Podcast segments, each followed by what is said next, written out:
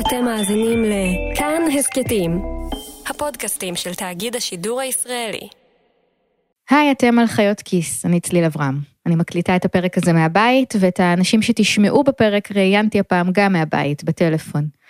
ורציתי לפני שמתחילים להגיד שבשבוע הקשה הזה, העבודה על הפרק גרמה לי להרגיש קצת יותר טוב. כולנו, כל הצוות של חיות כיס, ממשיכים לעבוד כל הזמן על כמה שיותר פרקים חדשים, ומוצאים אותם ברגע שהם מוכנים. כל הפרקים החדשים עוסקים כמובן בקורונה, אבל מה שמנחה אותנו בעבודה אלה אותם ערכים שלפיהם עבדנו גם קודם. לדבר על המצב הכלכלי בשפה של בני אדם, בלי לנפח כותרות, בלי להפחיד.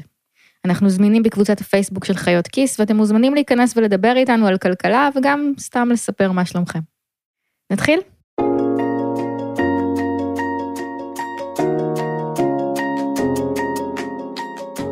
No one should have to worry about paying rent, buying groceries, or additional childcare because of COVID 19. We will help Canadians financially. זה ג'סטין טרודו, ראש ממשלת קנדה. אף אחד לא צריך לדאוג לגבי שכר דירה, מזון או תשלום למעון.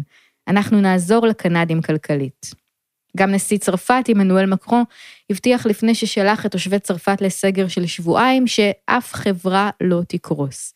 חשבונות הגז, החשמל והחימום של משקי הבית הצרפתיים יוקפאו. ובישראל? הציפייה של האזרחים שהממשלה תוכל לפתור את כל הבעיות שלהם היא ציפייה לא ריאלית. כולנו קמים עכשיו כל בוקר למציאות שבה מגפה מאיימת עלינו, ואין תחתנו רשת ביטחון. בעוד שבחלק מהמדינות האלה המנהיגים אמרו, תישארו בבית ואל תדאגו לכסף, לנו אומרים, תישארו בבית, והנה כמה שקלים, ונראה מה הלאה. אז התקשרנו לשלושה כלכלנים ושאלנו אותם מה המדינה צריכה לעשות עכשיו. האם היא יכולה לעשות משהו כדי לעצור את המיתון, ובעיקר, מה היא צריכה לעשות כדי לסייע לאזרחים. הכלכלן הראשון הוא פרופסור יוסי זעירה מהאוניברסיטה העברית, נשיא האגודה הישראלית לכלכלה. הלו? יוסי? היי, זה צליל אברהם מכאן. כן, כן, שלום צליל, מה שלומך? זעירה משווה את המצב למיתון של תחילת שנות האלפיים, עם התפוצצות בועת הדוט קום והאינתיפאדה השנייה בישראל. זה המיתון אז, שהמיתון הובל על ידי ארבעה גורמים, אחד מהם זה ירידה בתיירות, השני זה ישראלים הסתובבו פחות במרכזי הקניות ולכן קנו פחות. היה חוסר ודאות גדול, כי בסך הכל אף אחד לא ידע מתי זה ייגמר וכולי, ואז זה פגע מאוד בהשקעות. אנשי עסקים השקיעו פחות. והדבר האחרון היה גם אז משבר עולמי, אמנם חלש יותר, המשבר של הדוט קום, אבל בכל זאת זה גם השפיע. כל הדברים האלה יש לנו עכשיו בעוצמה גדולה יותר. ולכן אה, סביר להניח שזה יהיה התחלה של מיתון. אבל לדברי זעירה, זה כל מה שאנחנו יודעים.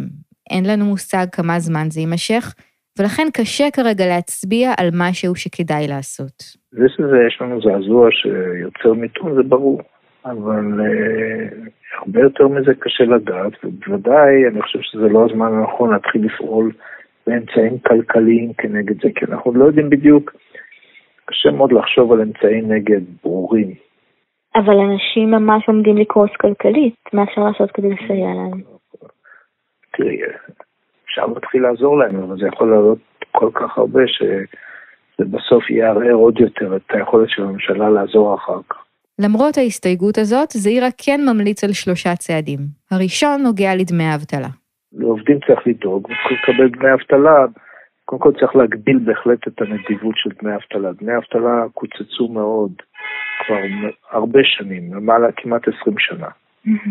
בין השאר באשמת נתניהו עוד ב-2003. וצריך לשפר את דמי האבטלה, כי כל עוד לא היה, שיעור האבטלה היה קטן, זה לא כאב הרבה להרבה אנשים, אבל עכשיו זה יתחיל לכאוב ליותר אנשים. וצריך לדאוג שהם יקבלו דמי אבטלה ברמה סבירה, שיוכלו להמשיך להתקיים. כדי להבין על מה מדובר, בואו נסתכל רגע על מה בדיוק אנחנו מדברים כשאנחנו מדברים על דמי אבטלה. נכון, המדינה החליטה להעניק דמי אבטלה לכל מי שהוצא לחל"ת של 30 יום או יותר בגלל הקורונה, וגם לקצר את תקופת הזכאות לאבטלה, כך שגם מי שעבד רק חצי שנה בשנה וחצי האחרונות, יוכל לקבל אותם, וזה נשמע טוב. אבל למובטלים הזמניים צפויה הפתעה מרה. דמי האבטלה בישראל נקבעים לפי שני קריטריונים, משכורת וגיל. מי שהמשכורת שלו היא 6,000 שקל למשל, יקבל 4,300 שקל דמי אבטלה. מי שמרוויח 10,000 שקל יקבל 5,970 שקל, ומי שמרוויח 13,000 שקל בחודש ברוטו, דמי האבטלה שלו היו 6,870 שקל בלבד, קצת יותר מחצי מהשכר. ומתחת לגיל 28 הסכומים נמוכים עוד יותר. עובד בן פחות מ-28 שמרוויח 8,000 שקל בחודש, יקבל דמי אבטלה של 4,000 שקל. משך הזכאות הוא חצי שנה לכל היותר, ולעובדים צעירים ללא ילדים, חודש וחצי בלבד. מדמי אבטלה מנקים מס הכנסה, ביטוח לאומי וביטוח בריאות. ואם מצאתם עבודה חלקית או חלטורה כעצמאים, השכר עבורה ינוקה גם הוא. לדעתו של זעירה, זה הזמן להגדיל עוד את דמי האבטלה. להעלות את התקרה, להעלות את משך הקבלה שלה, שיקבלו את זה לאורך תקופה יותר ארוכה וכן הלאה וכן הלאה. אתה חושב שיש סבירות שזה יקרה? אני בטוח שלא. אגב, זה כן קרה בעבר. במשבר של 2008 המדינה קיצרה את תקופת הזכאות לדמי אבטלה, כפי שהיא עשתה עכשיו, וגם האריכה את תקופת דמי האבטלה למובטלים צעירים. ואתה חושב שהמדינה צריכה לסייע לעצמאים? תלוי איך, תלוי מתי. אני בדרך כלל, אה, יש עצמאים גדולים, יש עצמאים קטנים. כשייתנו סיוע לעצמאים, יזכו בזה בדרך כלל החברות הגדולות. וזה תמיד שחיתות, יד רוחצת יד. אז עדיף לדאוג לאנשים שעבדו במסעדה מאשר לבעל המסעדה. אז לזה הייתי כן מסדר, שגם עצמאים שאיבדו את אה, פרנסתם יהיו זכאים לדמי אבטלה, בהחלט. זה הגיוני מאוד, אבל לא הייתי נותן סיוע שהוא ייחודי לחברות, כי זה א', אה, יכול להיות בור ללא תחתית, וזה גם יכול להיות אה, מקור לשחיתות. ודבר שני, הייתי מאיץ כל מיני השקעות שהן השקעות בתשתית, שהן יכולות לנער את המשק מהמיתון, כמו למשל להקדים את סלילת המטרו בגוש תל אביב וכן הלאה וכן הלאה. זה עוד המון כסף. בסדר, אבל זו השקעה כדאית. זו השקעה שאנחנו בכל מקרה רוצים לעשות, אז מה רע בלעשות אותה קודם? ומה התשובה באמת לכל האנשים ששואלים מאיפה הכסף? קודם כל, אה, בתקופה של מיתון, אז אפשר גם להגדיל קצת את הגירעון בצורה מדודה. Mm-hmm. ודבר שני, אפשר גם להעלות מיסים. יש כאלה שתמיד יכולים לשלם יותר. איזה מיסים היית מעלה? מיסי הכנסה כמובן, מיסי הכנסה ומיסי חברות, ובארץ המיסים האלה הם נמוכים יחסית. לא הייתי מעלה את המע"מ חס וחלילה. הייתי מעלה את המיסים הפרוגרסיביים, מיסים שפוגעים באלה שיש להם הכנסה גבוהה יותר, כמוני. אז לסיכום, אלה ההצעות של פרופסור זעירה, להגדיל את דמי האבטלה לשכירים ולעצמאים ולהניע פרויקטי תשתית, וכשהכול יסתיים, לממן את זה באמצעות העלאת מיסים פרוגרסיביים, כלומר, כאלה שמי שיש לו יותר, משלם יותר, כמו מס הכנסה. ויש לו עוד הצעה שמצאה חן בעיניי. אני חושב שהטרמינולוגיה שצריך להשתמש בה הרבה היא מיתון. מיתון ולא משבר? כן, מיתון ולא משבר. מיתון זה, זה תופעה כלכלית ידועה, משבר זה משהו שם כללי, זה לא מושג כלכלי. מיתון זה מושג כלכלי. לתנודות של הפעילות הכלכלית סביב מגמת הצמיחה קוראים אה, מיתונים או מחזורי עסקים. כשמדברים על מיתון, בדרך כלל יודעים שמיתון זה דבר שהוא עובר. אחרי כמה זמן זו שאלה פתוחה, אבל הוא עובר. ודבר נוסף, משבר הוא בדרך כלל משהו נשבר. משהו שלא ברור בכלל איך מתמודדים איתו. כשמיתון מכניס אותנו לטריטוריה שהיא הרבה יותר מוכרת. היא לא טריוויאלית, היא לא בנאלית, וכל מיתון שונה מקודמם, אבל גם דומה לקודמם. Mm-hmm. ולכן במובן מסוים זה גם מינוח שהוא גם נכון יותר, גם אני חושב יכול להרגיע יותר. אני מאמין שזה גם מכניס את הדיון לצורה מסודרת יותר.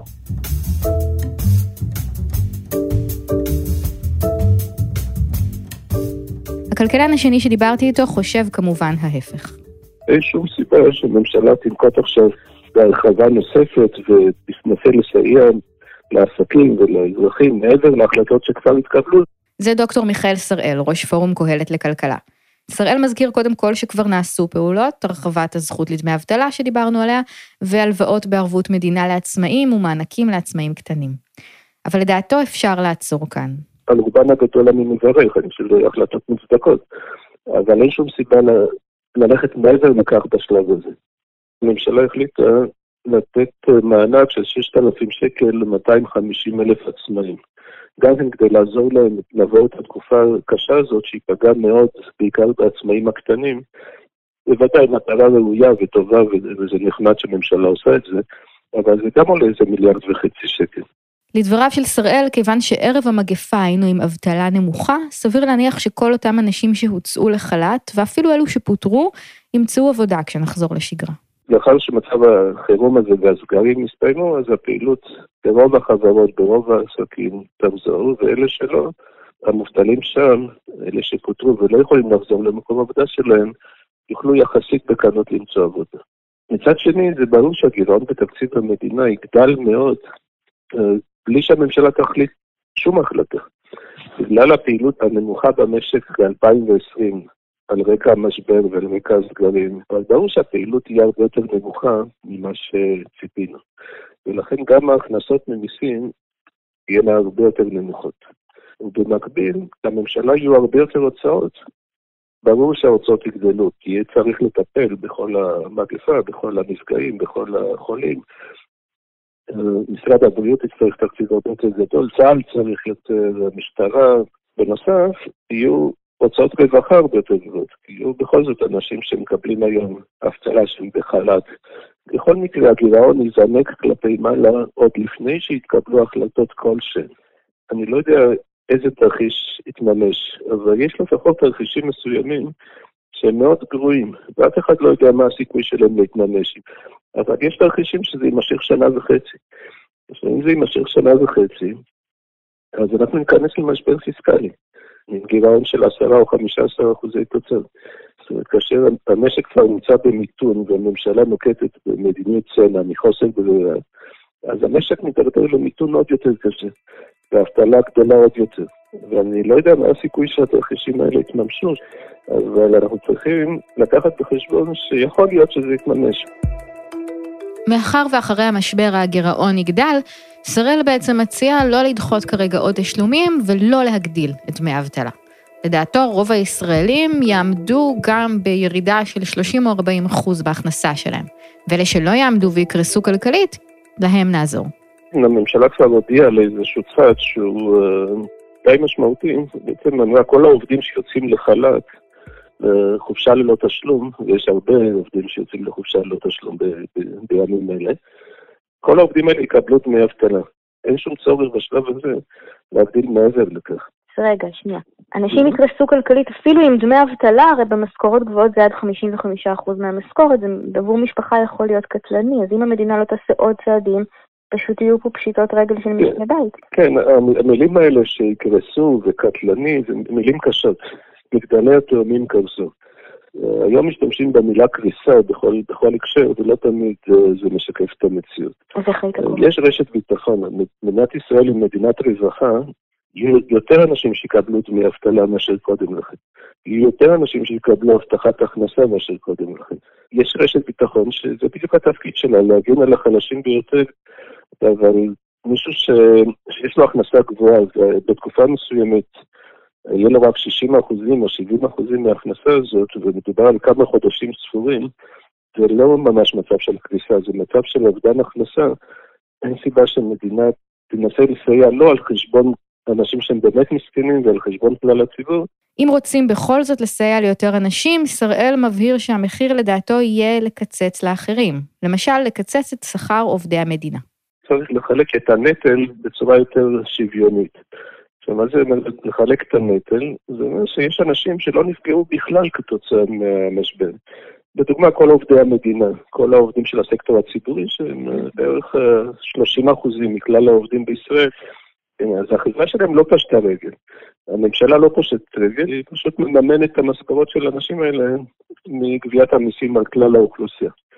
אז מכיוון שככה, כל מי שעובד בסקטור הציבורי, וגם לפני המשבר היה לו תנאים בדרך כלל טובים יותר מאשר בסקטור הפרטי, וגם תנאים נלווים יותר טובים, וגם שכר גבוה יותר, וגם יציבות תעסוקתית, הוא גם לא נפגע בכלל כתוצאה מהמשבר הזה. אז יש פה איזשהו חוסר צדק, שבעל מסעדה והעובדים שלו נפגעו בצורה מאוד קשה, ולעומת זאת עובד במשרד ממשלתי לא נפגע בכלל. כן, לכל היותר, מדברים עכשיו, יחייבו אותו לקחת חופשה. כן, על חשבון ימי החופש שלו, אז זה ייקח עכשיו ימי חופשה. אבל זה להגדיל את מעגל הנפגעים, מה שאתה אומר. זה לפגוע עוד אנשים. בוודאי, ככל שמגדילים, אז גורמים לכך שהפגיעה תהיה יותר שוויונית. אז בוא נסביר רגע, כי זה לא אינטואיטיבי בעיניי. איך זה שנקצץ לעובדי המדינה את השכר או נוציא אותם לחל"ת יסייע לבעל המסעדה? כי אז נוכל אולי להפחית את סך המיסים על כלל האוכלוסייה, או לתת מענקים יותר גבוהים, או לתת אה, דמי אבטלה גבוהים יותר ונדיבים יותר. שאלתי את שראל למה ישראל לא יכולה לקחת על עצמה יותר מהנטל, כפי שעשו קנדה וצרפת. תשובתו היא שנחכה ונראה מי צדק. איך זה מתאפשר במדינות אחרות? השאלה היא, א', אם זה נכון גם לעשות את זה. זאת אומרת, תמיד יש לחץ ציבורי לעשות משהו. ולפעמים הממשלות עושות דברים לא בהכרח מכיוון שהם טובים, אלא בגלל שנראה שיש לחץ ציבורי לעשות את זה. אז אנחנו צריכים ללמוד מה מדינות אחרות עושות, אבל לא צריך תמיד לחכות את מה שעושים במדינות אחרות, כי הרבה פעמים הפוליטיקאים בוחרים במדינות מסוימת לא מכיוון שהיא נכונה, אלא מכיוון שהיא פופוליסטית. לסיכום, ההצעה של שראל היא לעצור, לא להגדיל את הסיוע של המדינה לאזרחים, ולקצץ למי שעדיין לא נפגעו, כדי שיהיה אפשר לסייע יותר בהמשך. אז דיברנו עם כלכלן מימין ועם כלכלן משמאל, אבל אני עדיין לא שולחת אתכם לקבוצת הפייסבוק של חיות כיס ולשמוע את כל הפרקים באתר כאן. יש עוד רעיון אחד שאני רוצה שתשמעו. אז בוקר טוב. בוקר אור. בואי תגידי מי את ומה את עושה בחיים. אוקיי, אז אני ליז ברזיז, פרופסור לכלכלה באוניברסיטת בר אילן ומנהלת מרכז אהרון מאיר למדיניות כלכלית. אני מומחית אה, בדרך כלל למדיניות שמביאה צמיחה, אבל אני גם מומחית למדיניות בזמן חירום, כי התזה שלי הייתה על השפל הגדול בארצות הברית 1929. פרופסור ברזיס התקשרה אליי ואמרה שיש לה רעיון שיפתור את כל הבעיה. הרעיון שלה לא נוגע כל כך לדמי אבטלה ולהלוואות, יש בו בעיקר צעד מרכזי נועז אחד שהיא מכנה זבנג וגמרנו. דן אריאלי בספר שלו על כן. לא רציונלי ולא במקרה, הוא מספר סיפור שהוא היה בבית חולים והוא נשרף על כל הגוף ושמו לו תחבושות. ורוב האחיות היו מורידות את התחבושות לאט-לאט. וכל פעם זה היה עוד כואב ועוד כואב ועוד כואב, וזה, וכל התהליך היה לוקח לפעמים שעה. וזה היה סיוט נוראי. פעם אחרת, אחת האחיות האחרות, יותר אסרטיבית, פשוט בבת אחת הורידה על היד, הוא באמת צרח בשנייה, אבל זה נפסק. ומכאן הוא כתב, לפעמים אנשים רוצים לעשות טוב, אבל הם מפחדים מלעשות פעילות של זבנג וגמרנו, אם אתם רוצים, שהיא ממש פעילות חזקה. ולכן לפעמים עדיף זאת, למרות שאתה חושב שאתה אולי עושה יותר רע, זה לא נכון. זה מה שאני רוצה פה לומר לכולנו. בכלל פה מחלוקת בין מה שטוב לבריאות ומה שטוב לכלכלה. אני טוענת אין מחלוקת? אין מחלוקת. אני בדיוק רוצה להסביר. אני טוענת שהאינטרס הכלכלי והאינטרס הרפואי הוא בדיוק אותו אינטרס. שזה שונה מכל מה שאומרים לנו כל הזמן, שהאינטרס הבריאותי הוא לעצור הכל, אבל האינטרס הכלכלי הוא להמשיך לתפקד. אני טוענת, בניגוד למשרד האוצר, ששם אין לך מומחים בכלל למדיניות בזמן חירום, שהטובת הכלכלה פה היא לסגור את כל המשק בבת אחת. אוקיי, okay. בואי נדבר רגע על מה זה אומר לסגור הכל, מה את מציעה לסגור בדיוק? את רואה איך המשק נראה ביום כיפור. כל הדברים החיוניים בדיוק כמו ביום כיפור.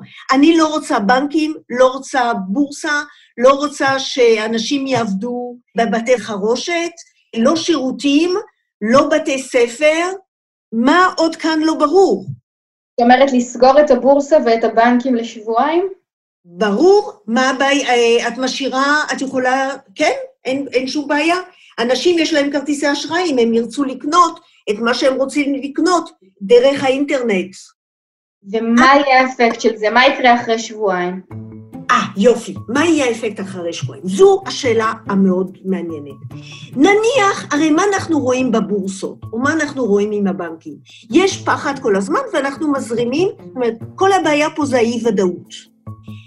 אם כולם, אנחנו יודעים מסין, שיש באמת סוף לקורונה, לפחות לחודשים הבאים. אנחנו לא יודעים מה יהיה בעתיד ממש, אבל אנחנו רואים שכרגע הכל נגמר.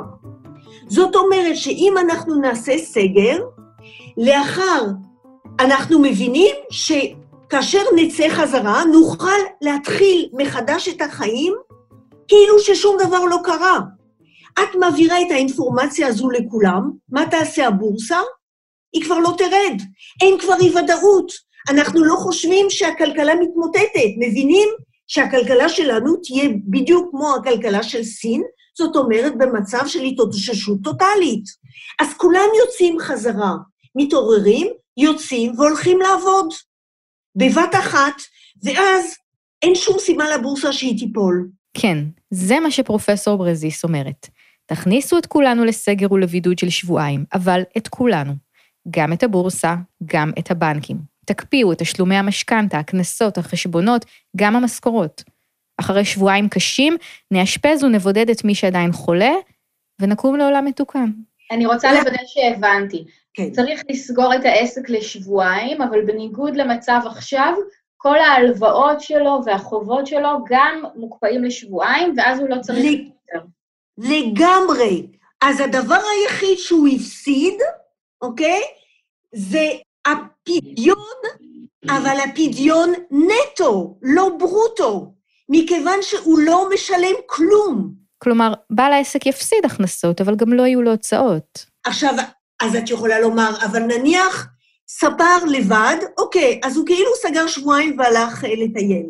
וכשהוא הולך לטייל הוא צריך לשלם את כל זה, אבל נניח ספר שמכר את העסק לשבועיים והלך לטייל. אז אין לו, אין לו הכנסות של שבועיים נטו. אפשר לסבול זאת. מה נגלה בסוף שנה כזאת? בסוף שנה כזו אנחנו הפסדנו תל"ג של שבועיים. ומה שאני מציעה פה למשק, זה לא רק למשק הישראלי, אני מקווה שהמשקים האחרים יעשו אותו דבר, זה יעצור את האנדרלמוסיה הכלכלית. אם זה הפתרון של הצוות הרפואי, נלך איתו עד הסוף, והפתרון הכלכלי פה, ללכת על סגר טוטאלי. למה לא עושים את מה שאת מציעה? כי זה בדיוק מאוד רדיקלי, ואני בדיוק עכשיו אמרתי לך שאנחנו מבינים שמבחינה רציונלית מאוד קשה לנו לקבל החלטות רדיקליות. אז מי צודק? אני בטח לא יודעת, ואני לא חושבת שמישהו יודע. אין טקסטבוק למצב של מגפה עולמית, וכל מדינה מנסה להתמודד עם המצב אחרת, בריאותית וכלכלית. כשהכול ייגמר, נדע מה עבד, וגם יהיה לנו גוף ידע גדול מאוד לחקור וללמוד ממנו. ולפני שניפרד, שתי המלצות אישיות קטנות שלי. הראשונה, מי שלא מכיר, אני ממליצה מאוד להאזין לתחנה שלנו כאן תרבות. תחנה של שידורים מסביב לשעון על תרבות וגם מדע, היסטוריה ויהדות. לי באופן אישי כבר קשה לשמוע חדשות, אה, ואני שומעת ממש הרבה כאן תרבות ונרגעת. גם רוב הפודקאסטים של כאן משודרים בכאן תרבות. התדרים הם 104.9 ו-105.3, או באפליקציה של כאן. ואני גם רוצה להמליץ על ספר שיצא ממש עכשיו ונבלע במגפת הקורונה, למרות שהוא מתאים בדיוק לזמן הזה. הספר נקרא במקום ייאוש של יאיר אסולין בהוצאת הקיבוץ המאוחד. ספר של מסות שאפשר לומר שהנושא שמשותף לכולן הוא הישראליות, והוא מאוד מתאים בקריאה ארוכה ונינוחה של שישי בצהריים. אנחנו היינו חיות כיס, אסף רפפורט ורחל רפאלי ערכו את הסאונד, רום אטיק העורך שלנו, דנה פרנק ושאול אמסטרדמסקי עובדים על עוד פרקים חדשים ממש עכשיו. אני צליל אברהם, תחזיקו מעמד ותהיו בריאים.